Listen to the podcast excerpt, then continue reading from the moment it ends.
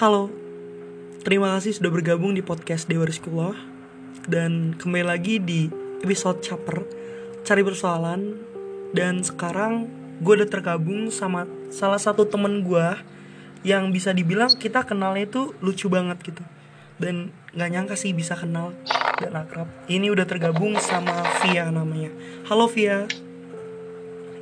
Halo Dewa, Apa kabar Via? Alhamdulillah baik, lu gimana?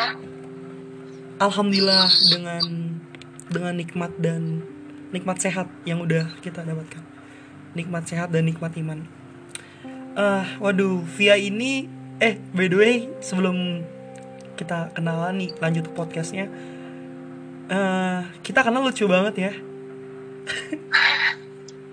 dari jadi via ini adalah salah satu followers gue di Instagram. Dan dia tuh udah ngikutin sejak kapan Via?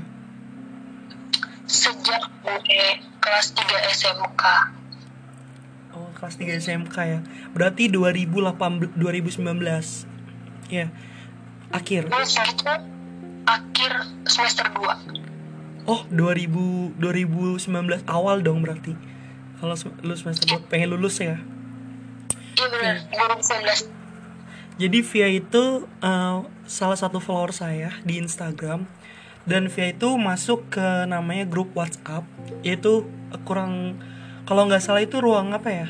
Ruang gabut apa? Ruang, ruang cerita orang Iya, ruang cerita. orang cerita.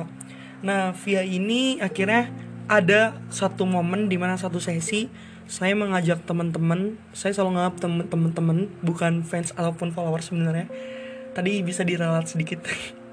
Jadi saya punya sesi untuk ngobrol bica eh, bercerita gitu via telepon. Dan itu biasa grup gitu. Nah via ini termasuk orang yang ber eh, apa namanya partisipasi untuk eh, ngobrol sama saya di telepon. Kira kita ngobrol ya via ya ini tuh gimana? Lucu banget ya. Coba ceritain lu yang dari cerita lu dulu gimana? Ketika lu telepon gue Ya gue awalnya telepon Dewa. Itu Ya gue suka gitu suara dia kan bagus. Habis itu Gue pertama panggil dia bang. Karyanya nggak nggak disukain ya? Karyanya disukain tapi gue tuh bingung mau nyukain karya lu yang mana karena semuanya tuh bagus gitu kan. Waduh gue terbang nih dan akhirnya tuh satu satu satu momen kita teleponan dan akhirnya eh, kita kan harus eh, berkenalan dulu gitu. Saya tanya ke Via namanya siapa? Via. Terus dia bilang Via bang gitu kan lu bilang ya Via bang Iya. oh Via dari mana? Dari Jakarta. Terus gue mulai pancing tuh kalau misalnya anak Jakarta. Gue masih tahu banget gitu Jakarta. Jakarta mana? gitu. Kira lu jawab Jakarta gimana tuh? Jakarta Timur Karena ketika Jakarta Timur ya udah saya langsung berpikir gini sebelumnya bakal saya ceritain karena saya juga pernah dari Jakarta Timur dan itu saya masa-masa kecil saya dari TK dari kecil TK SMP SMP kelas 2 baru pindah ke kampung.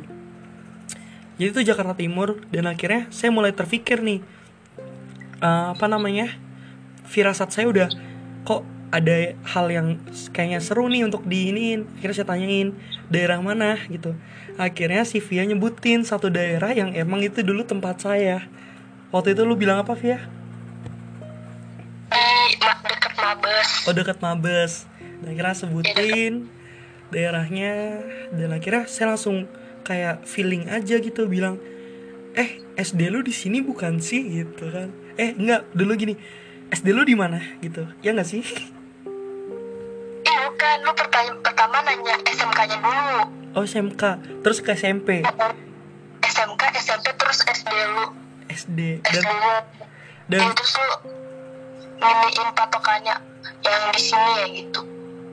Oh iya terus ngasih patokan. Nah kasih patokan akhirnya benar. Dan langsung saya berpikir ternyata itu juga satu SD saya gitu. Dan saya cerita kembali lagi nih ini ini mungkin bakal bingung banget sih kalau misalnya kalian dengerin jadi eh, apa namanya SD kita tuh ada empat empat sekolah empat nama SD cuman kita cuman punya dua gedung. Nah dua gedung itu terbagi antara pagi sama siang. Nah di situ ada namanya 01 02 06 sama 08 nah yang kebetulan Via ini 01 01 itu sama 08 06 02 itu sama 08 dia satu gedung cuman ganti-gantian. Nah Via 01 dan kebetulan saya itu 06 gitu ya udah akhirnya kita ngob eh, saya nanya terus nanya-nanya saya tahu tanya lu oh, tahun berapa lulusnya di SD gitu? Alumni ta- angkatan berapa? Kira dia ngomong dan ternyata kita tuh sebenarnya satu angkatan. Secara nggak langsung kita tuh udah ketemu waktu SD cuman mungkin kar- karena dia pulang saya masuk ke sekolahan saya. Ya Via ya? Lucu banget. Iya bener dan di situ saya berpikir ternyata ternyata tuh yang nikmatin karya saya tuh bukan orang-orang luar. Ternyata ada teman-teman deket yang sebenarnya udah pernah tahu saya. Bahkan kayak lucu aja gitu ya untuk kita bahas di podcast. Kayak aduh gokil banget sih. Berarti pasti lu sebelumnya pernah ketemu gua kan? Secara nggak langsung mungkin kita pernah ketemu via. Lu lu pulang gua masuk gitu. Dan gokilnya adalah kita satu gedung UN kita barengan kan? Pasti ketemu dan yaudah akhirnya sampai kenalan sampai situ yaudah akhirnya eh, ketika itu saya ngeliat Instagramnya Via. Eh, tapi jujur Via nggak pernah minta namanya fallback karena dia nggak pernah minta untuk di fallback di fallback sama saya. Karena bagi dia dia, eh, ngefollow saya dengan cara dia suka dengan karya saya gitu loh. Biasanya banyak banget orang yang ketika dia kerapin fallback dong fallback dong tapi nggak tahu guna itu buat apa. Mungkin rasa senang mungkin ya Oke, balik balik lagi ke kenalan sama Via. Sebelumnya eh, saya sama Via pengen cerita dulu karena nanti bakal ada podcast yang kita bakal bawain, tapi kita bersenang-senang dulu di awal karena tak kenal maka tak sayang. Jadi tapi ini seru gitu lucu banget gitu kenalannya dan akhirnya eh, Via ngomong-ngomong segala macam dan saya akhirnya berpikir kayak ini nggak jauh-jauh gitu. Pasti lingkup pertemanan SD saya ada yang berteman dengan Via. Ternyata benar ada yang berteman dengan Via dan itu adalah teman SD saya satu satu SD saya satu kelas lah. Dan ternyata itu juga satu kelas waktu SMA SMK bareng Via. Dan itu kayak ternyata dunia itu kecil banget gitu ya. Kita akan bertemu orang-orang terdekat gitu. Dan lu gimana tuh Via ketika gue bercerita kalau ternyata gue juga di sana reaksi pertama kali lu apa sih? Ya gue pikir lu tuh abang kelas gue di atas gue jauh gitu di atas lu jauh gitu lah ya. Iya karena eh, ada yang lo cerita itu ya gue kira tuh lu tuh abang kelas gue dan gue juga nggak kenal lu. Ternyata temen gue itu ternyata temen lu juga. Dan itu gokil banget ya. Dan itulah kenapa alasannya saya bisa berteman dengan Via Karena ya itu tadi ada ada cerita yang sangat lucu gitu Momen terlucu bagi saya. Oke balik lagi ke sebuah podcast. Alasan saya caper sama Via adalah Kita pengen ngomongin tentang masa-masa Di mana seorang Via Bukan ya seorang Via dia pernah mendapatkan yang namanya bully. Waktu di zaman sekolah menengah pertama itu SMP dan ceritanya tadi sempat diceritakan sama Via beberapa cuman ya itu tadi karena ada hal yang pengen dibagikan sama Via jadi kita persilakan untuk Via bercerita. Jadi gimana Via apa sih momen tersedih ketika lu mengingat itu? Bisa diceritakan dari awal? masa-masa sekolah menengah tuh masa-masa tersedih gua karena hampir satu angkatan gua itu tuh kayak mereka tuh nggak ngira tuh mereka ngebully gua. Tapi kalau sekarang mungkin udah dibilang body swimming lah gitu kan. Karena tuh dulu tuh gua hitam kecil gendut dan gue tuh suka banget yang namanya pakai baju gombrong sama rok gombrong. Oke anak culun lah ya bisa dibilang ya. Eh, eh, tapi gue tuh salah satu osis gitu. Oke. Ya, tapi tetap aja sih kayak masih culun banget karena mereka mereka kan kulitnya beda sama gua gitu kan. Mereka bilang gua hitam lah. Terus eh, sering ngejelek-jelekin gua lah gitu. Terus momen yang paling bikin sampai sekarang nggak bisa dilupain adalah itu gua eh, dituduh ngambil uang mereka. Pada padahal itu tuh bukan gue yang ngambil. Dan sampai benar-benar temen deket gue pun disuruh dijauhin gitu akhirnya gue benar-benar sendiri dan gue nangis. Gue nggak berani cerita sama keluarga gue juga. Akhirnya seminggu kemudian seminggu minggu kemudian itu tuh terbukti siapa yang ngambil uangnya mereka. Gue kira sih mereka bakal minta maaf gitu sama gue ternyata tuh enggak. Dan mereka makin kayak ngebully gue ngebulinya tuh mungkin kalau yang sekarang sih pernah yang namanya tuh ditaruh balsem di tempat duduknya. Terus wah. pas kalian dan itu sampai separah itu gitu. Bully yang lu sampai terima gitu. Itu kelas berapa sih ya panas banget. Itu kelas itu kelas berapa? Itu kelas dua eh, kelas dua sama kelas tiga. Oh gila dan itu itu secara beruntun ketika lu sering dapet bully atau dalam jangka yang panjang. Ketika lu tadi kan bilang digendut eh, sorry sorry sorry itu saya tadi lu bilang apa dikatain gendut terus hitam segala macem gitu kan. Biasanya kalau anak Jakarta suka bilang gini udah gendut jelek hitam hidup lagi lu. Inget gak sih? Iya kayak awalnya sih gue nggak sakit hati gitu. Cuman karena perlakuan gue eh, perlakuan mereka ke gue tuh kayak nggak memanusiakan gue nggak anggap gue tuh manusia gitu tuh kayak sedih banget gitu loh Iya, bagi gue adalah perkataan aja bisa menying, em, apa menyakiti psikis lo gitu, perasaan lo gitu. Dengan dia itu aja udah parah banget, apalagi ditambah dengan fisik. Fisik itu yang tadi lo bilang tadi, ceritain tadi, yaitu lo dikasih balsem gitu. Itu udah bagi gue kayak wah parah banget sih. Dalam konteks sebercanda apa pun ya, kalau namanya kita ngasih balsem pasti harusnya berpikir dong. Tapi kalau misalnya emang ada niatan untuk satu satu dua orang tiga orang, ya itu namanya bercanda. Tapi ini cuman elu doang yang ngerasain. itu bener-bener apa ya menurut tuh sakit lah digituin terus mereka cuman kayak ketawa apalagi tuh ditambah PM kan dulu tuh. Ada jadi gue dari pagi sampai pulang jam 4 kalau nggak jam 3 gue pakai baju itu terus tuh panas. Gitu loh mereka kayak nggak ngerasain terus mereka ketawa terus mereka bilang udah bisa dibersihin kok pakai pakai air. Kan dibersihin pakai air juga masih panas gitu kan. Itu dari situ. Terus eh, karena gue tuh kan nggak mau yang namanya tuh PR itu dikerjain di sekolah. Jadi gue paling pulang sekolah selesai PM gue ngerjain PR nah gue tuh ngerjain PR itu tuh selalu di rumah sebelum berangkat eh setelah pulang sekolah.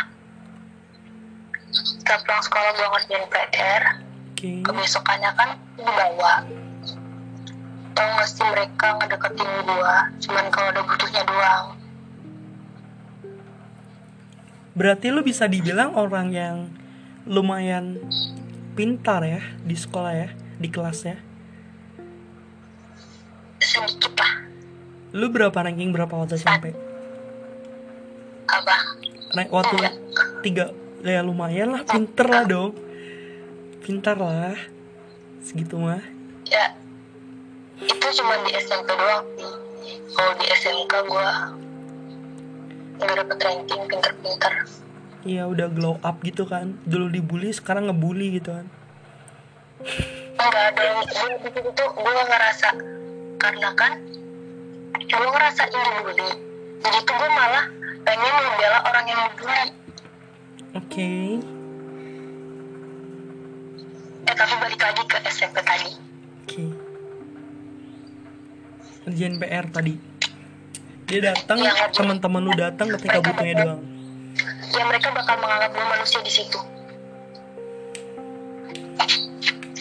kayak di sinetron tapi tuh emang kenyataannya tuh begitu mungkin kalau beberapa yang pernah dibully terus dimanfaatin tapi lu terlalu polos pasti lu bakal mikirnya tuh oh mereka udah berubah loh gitu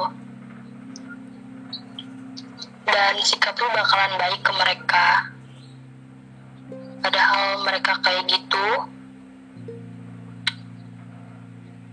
Terus cuman ada maunya. Mereka begitu cuman ada maunya kayak eh udah ngerjain belum? Belum. Coba deh ngecek tuh si Via kayaknya udah. Terus kita eh Via gue minjem PR lu udah belum? Gitu. Iya kayak baik-baikin gitu.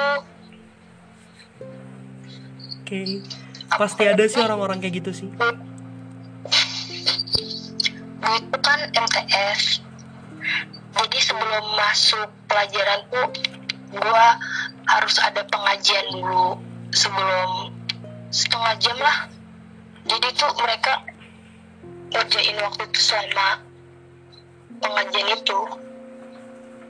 Ngeliat contekan PR gua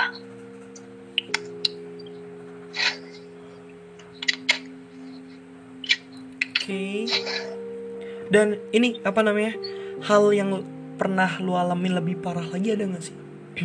Aduh suara gue excited banget. Sorry ya. Hal yang lebih parah dari lu dikasih balsem Selain itu ada gak sih? ada. Enggak sih menurut gue ini gak parah tapi tuh bikin kayak satu angkatan tuh lihat gitu. Wow. Apa itu?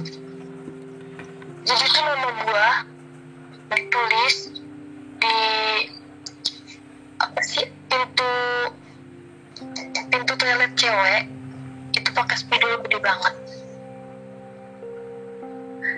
Eh ditulis apa ya? Gue lupa deh pokoknya. Ada gendut jelek gitu gendut hitam gitu lah pokoknya. Oke. Dan sampai mereka tuh Oke. ada hutan tersendiri buat gue Apa itu? Inces Apa? Inces Oh iya oke oke gue paham gue paham. Secara nggak langsung itu adalah sebuah ejekan gitu Tapi kalau misal untuk orang-orang yang bisa dibilang eh, Oh Inces nih mungkin cantik orang bakal berpikir seperti itu. Tapi kalau untuk hal bully itu bisa dianggap sebagai ejekan, hinaan. Karena Inces itu bisa Princes itu adalah sosok yang bisa ki- kita tahu sendiri Dan itu adalah sebuah kebalikannya ibaratnya gitulah. Inces. Inces Via dong. Inces Via. Dan gue tuh gak pernah mau disebut itu karena itu bukan gue gitu. Emang bukan kan? Ya emang bukan, gue gak suka. Gue bilang kayak gini Apa sih kok, eh, kok kalian nyebut gue kayak gitu gitu kan. Nah tuh kalau tuh Inces tau cantik ini gini Terus kayak dalam hati gue Anjing bullshit gitu lah. Karena dulu tuh gue Kenapa gue bisa hitam Gendut Itu karena gue tuh gak Lu mainnya di comberan. loh. Karena gini menurut gue gue sekolah tuh buat ilmu bukan gue mencari perhatian. Oh, gue pikir lo kecebur di comberan setiap berangkat sekolah. Enggak gitu. Enggak gitu. Gue mandi kok mandi. Dan kalau gue liat foto gue dulu tuh gue kayak ya ampun gue kalau mati lampu. Kelihatan giginya doang kenapa gue gue kayak gitu? Enggak, bukan bukan karena lu nggak ber- pengen berpenampilan. Karena waktu zaman lu sekolah SMP nggak ada skincare, masih belum ada. Belum bener bener. Tapi teman-teman gue tuh pada putih gitu. Terus gue tanya lu pakai apa? gitu kan. Gue pakai ini dan akhirnya merusak diri gue sendiri kalau gue pakai itu. Oke, itu adalah hal yang paling berat ya yang gua, eh, lu rasain waktu itu Eh, di zaman zaman SMP. Lu dibully, dikatain seperti itu, terus akhirnya lu juga pernah secara nggak eh, di apa namanya dibully secara fisik, dikasih balsem tempat duduk akhirnya sampai kepanasan. Terus juga sampai nama lu ditulis di kamar mandi, dikatain, terus dipanggil inces itu bagi gua kayak wow, lu bisa bertahan di zona seperti itu tuh anjir kuat banget sih bagi gua. kayak lu keren banget gitu. Gue nggak pernah tahu ya perasaan orang-orang yang dibully itu seperti apa. Mungkin untuk mereka sendiri kayak kita ngebully itu ya orang-orang yang ngebully mungkin merasa senang gitu. Loh tapi mereka pernah sadar gak sih ya orang-orang yang dibully selama ini dia tuh kayak terganggu gitu psikisnya ataupun kayak ruang lingkup pertemanannya. Makan mungkin lebih hati-hati lagi mereka mencari teman gitu. Iya gak sih gimana tuh yang lo rasain waktu pada saat itu? Ketika lo sering dibully. Yang itu mereka dengan dengan melihat tertawanya mereka mereka itu merasakan puas melihat orang menderita. Itu yang pertama. Yang kedua tuh kayak mereka tuh nggak nisengin. Sehari aja gitu tuh kayaknya ada yang kurang di hidup mereka. Oke. Kayak mereka bener nggak mikirin gitu. Terus eh apalagi tuh sampai yang ke fisik kayak gitu tuh menurut gue janganlah lu apa sih lu tuh ngomong aja pakai ucapan aja itu tuh udah menusuk hati mereka. Dan lu lagi ditambah kayak melukain mereka tuh dengan cara lu kasih balas menurut tuh menurut lu pada tuh sepele menurut orang yang dibully itu tuh enggak mereka kayak enggak enggak di sebagai manusiawiin. Tidak seperti di manusia ya. Iya.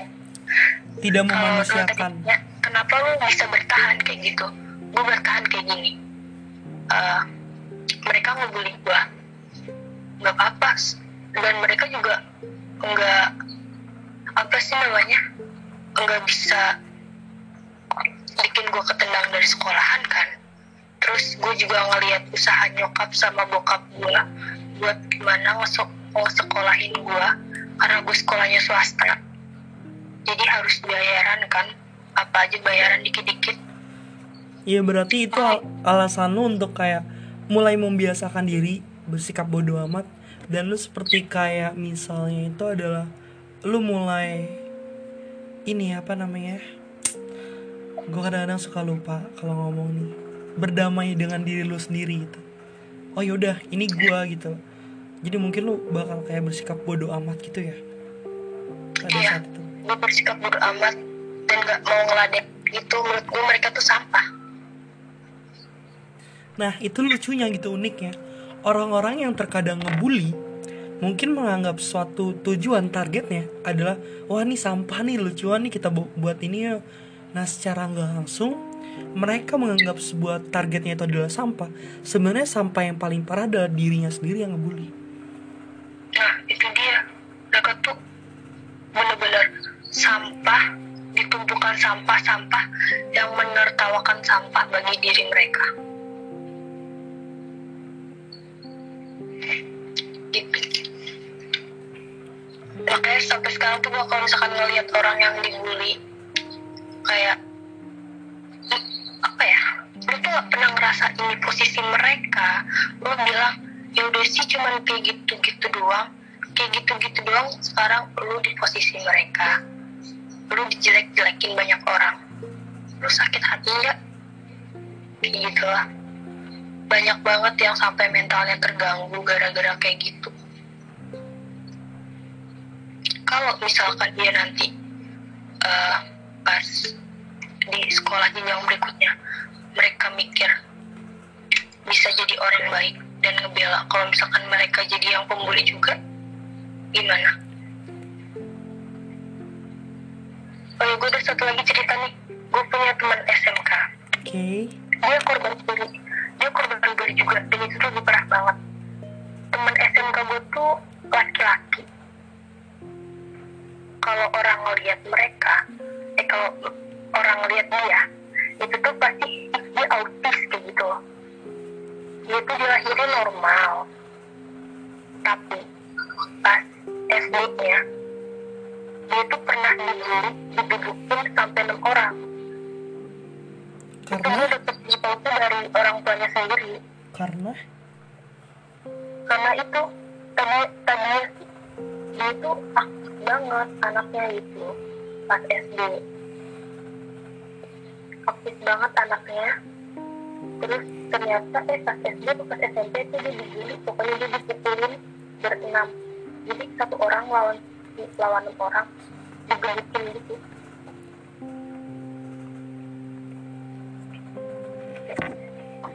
Oke, eh, dan ini Via, ketika lu di SMP ya, udah dibully dengan hal yang lu terima di sampai SMP, itu masih berjalan gak sih ketika lu udah masuk yang namanya SMK?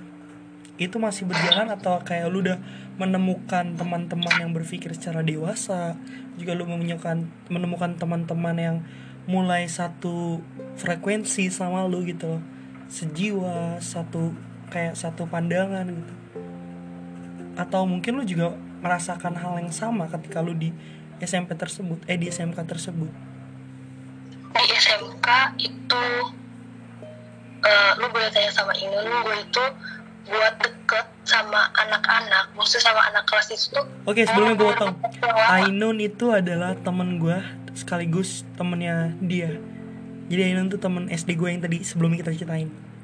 Oke Iya. lanjut Via. Gue itu buat deket sama teman-teman buat ngobrol akrab itu tuh sekitar dua bulan apa tiga bulan gitu. Gue baru bisa deket sama mereka maksudnya ngobrol. Nggak begitu deket sih maksudnya bisa ngobrol aja sama mereka gitu. Punya teman. Itu kalau nggak salah satu temen gue bilang kayak gini kok lu sendiri mulu sih? Lu nggak mau gabung? Kayak gitu loh. Akhirnya gue coba gabung dan mereka asik terus juga suka ngajak ngobrol. Lu menganggap diri lu diri lu introvert gak sih? Termasuk golongan introvert gak sih waktu SMP termasuk orang gue yang yang lebih memilih kayak gua nggak mau berteman dengan orang atau mungkin banyak orang yang mau berteman sama lu. Karena berbeda. Ada orang yang nggak emang nggak mau berteman banyak lingkup pertemanannya banyak. Ada orang yang emang eh, tidak mau ditemanin sama orang banyak. Lu termasuk orang yang mana waktu SMP mungkin gue sama orang. Jadi kayak eh ya udah gue anggap mereka semua tuh teman gue gitu loh. Enggak Iya, maksudnya yang yang yang ini apa namanya yang bener-bener kayak ngobrol zaman-zaman SMP kan pasti punya geng-gengan gitu loh. ngobrol cuman kayak masih nggak dibilang deket sih. Cuman gue ada karena gue main sama mereka bertiga. Gitu loh. Geng apa tuh bertiga? apa ya, dulu tuh NASA. Su- NASA itu singkatan nama kita sendiri. Cuman pas udah kelas 3 eh, mereka udah mulai ngejauhin gue gitu. Jadi gue bener-bener sendiri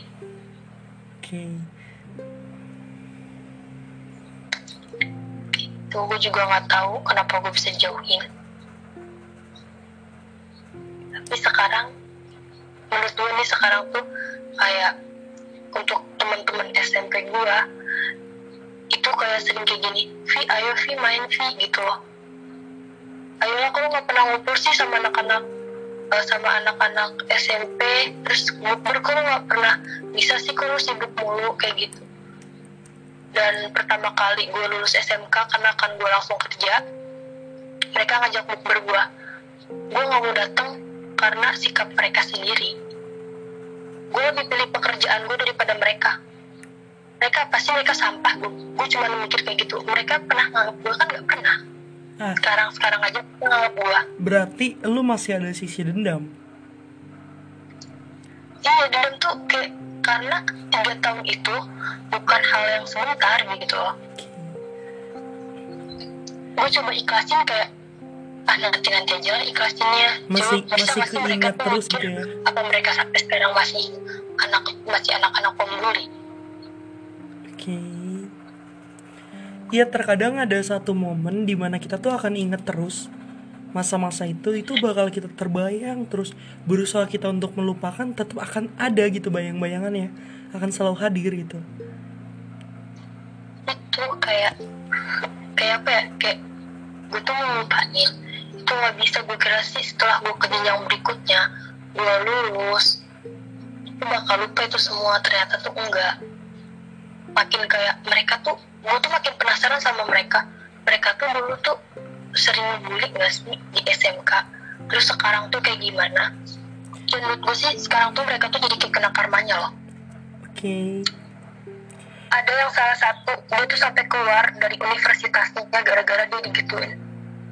Baru dua bulan.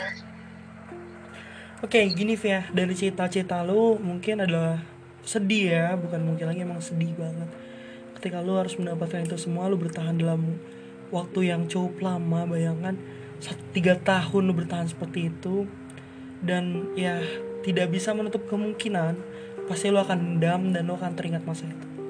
Dan gue selalu berharap gini, ketika lu udah ngomong secara langsung cerita nih sama orang-orang mungkin nih banyak yang denger juga.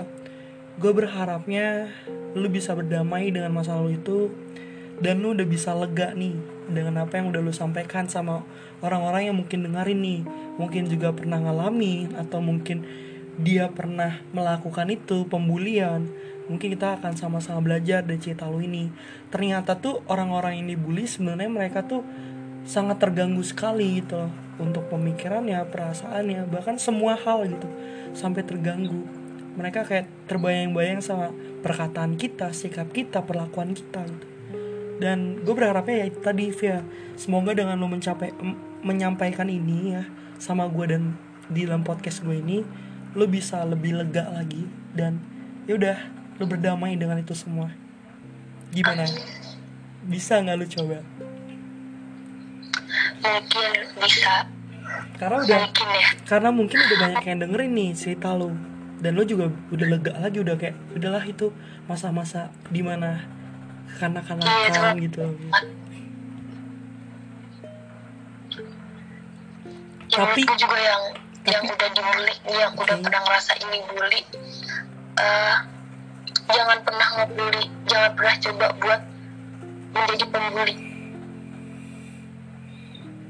Tapi tadi keren banget pemikiran lo ketika lu udah pernah merasakan yang namanya ketika lu merasakan yang namanya dibully ya lu tahu sakitnya tahu eh, perihnya gimana sedihnya gimana terganggunya gimana. Dan tadi gue keinget banget satu kata-kata lu. Gue ketika masa-masa gue udah SMK dan gue tidak di gue tidak lagi menerima yang namanya pembulian gue di situ berusaha untuk tidak mau ngebully dan gue pengen ngelindungin orang-orang yang terbully. Itu keren banget gitu loh karena banyak orang yang sebenarnya ya sebenarnya mereka tuh pengen balas dendam dengan apa yang mereka pernah terima. Salah satu contohnya banyak pembulian-pembulian yang terjadi dan ketika mereka udah naik akhirnya ketika dia udah menunjukkan sesuatu akhirnya dia kayak lebih ngebully lagi orang yang pernah dibully itu jadi itu sebenarnya nggak baik sih walaupun pada akhirnya ya itu hak masing-masing ya karena mungkin punya kekecewaan yang mendalam pada saat itu. Tapi dari sini gue gue paham banget gitu loh. Lu bisa seterbuka itu untuk orang-orang yang juga pernah ngela- ngerasain dan ngalamin hal serupa yang pernah lu terima. Itu keren banget sih ya sampai lu tuh kayak peduli sama mereka semua gitu. Sedihnya itu karena menurut gue sih di sisi sedihnya tuh karena gue itu gak dianggap manusia sama mereka. Gak dianggap ada. Mereka bakal anggap gue ada karena itu ada maunya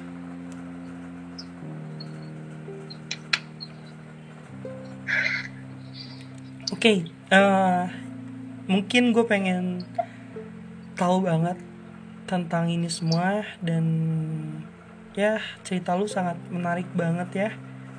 Wah gila gokil banget sih lu bisa bertahan dalam tiga tahun itu kayak lu terus-terusan di wah gue nggak tahu sih perasaan lu pada saat itu gimana apalagi lu umur sekitar berapa via itu? 13 14-an ya? Usia seperti itu ya?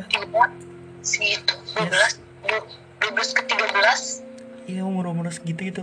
Lu udah mena- menahan itu semua ya Menerima itu semua itu Wow gila. Lu bisa bertahan itu keren banget sih Dan gue juga gak tahu lu mungkin suka nangis Suka sedih, suka bertanya Suka segala macamnya itu lu yang ngalamin itu. Dan untuk terakhir kalinya Gue pengen banget lu ngasih pesan untuk orang-orang yang mendengarkan podcast ini sesuai apa yang lu terima atau lu ada kata-kata lainnya. Gue kasih persilakan untuk lu memberi pesan ataupun kata-kata. Silakan Via untuk yang pernah dibully pasti tuh kalian tuh nggak berani banget untuk ngomong. Kalian tuh bakal lebih banyak diam. Menurut gua keluarin ungkapin lawan. Karena kalau kalian diem aja pikiran kalian tuh bakal ke, apa sih bakal keganggu. Kalian ngomong kalau sikap dia itu nggak bagus kayak gitu atau kalau misalkan itu kan ada bimbingan konseling atau yang masih SD mungkin ada yang dengerin itu kalian bisa ngomong sama orang tua karena sekarang udah banyak banget gara-gara jadi diem dibully terus gila bunuh diri. Kan gak baik. Ya harus bertahan aja. Sabar berdoa. Ada waktunya kok. Deh itu aja deh. Oke, dan untuk untuk orang-orang yang suka ngebully, pasti ada pesan dong dari lu. ada.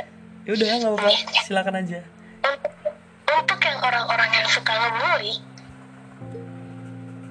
ingat kalian tuh bakal punya anak suatu saat nanti. Anak kalian tuh bakalan nggak bakal ngomong. Ada masalah di sekolah tuh nggak bakal ngomong sama kalian. Pasti ngomongnya sama teman dekat. Karma itu berlaku dunia itu berputar. Hati-hati Dewi cuma itu doang Dewi. Hargain perasaan orang lain. Mulutnya dijaga. Udah Tapi sekarang bukan mulut lagi, sekarang udah keketikan. Sama postingan di komentar. postingan sama ketikan juga. Tuh berlaku juga. Tuh hati-hati juga. Oke Via, terima kasih banget sekali lagi udah mau mampir di podcast gua Dewa Rizkula dan udah mau berbincang dengan cerita-cerita lo yang wah keren banget. Bukan maksud gua dibilang keren karena lu bisa bertahan dan dibilang sedih karena lu menerima itu semua. Ya, gue berusaha untuk coba deh lu untuk berdamai dengan itu semua walaupun sulit dan gua yakin lu bakal lega ketika lu udah menyampaikan ini semua cita-cita yang pernah lu alamin tahun silam beberapa tahun silam ya semoga aja kita bisa belajar dari cita lu semua terima kasih sekali lagi Via dan thank you buat kalian semua yang ngedengerin. Selamat beristirahat semangat terus buat siapa pun. Usahain jangan pernah menghina orang lain. Dan kita berusaha untuk memanusiakan manusia. Itu aja dari gua. Satu pesan terakhir adalah kita coba untuk peduli sama orang tetapi tidak untuk menghina ataupun mencemooh orang yang tidak kita kenal karena kita belum tentu benar dan kita mungkin belum tentu menjadi orang yang paling benar. Itu aja. Dadah. Dadah Via buat teman-teman gue terima kasih ya Via oke see you. Bye. See you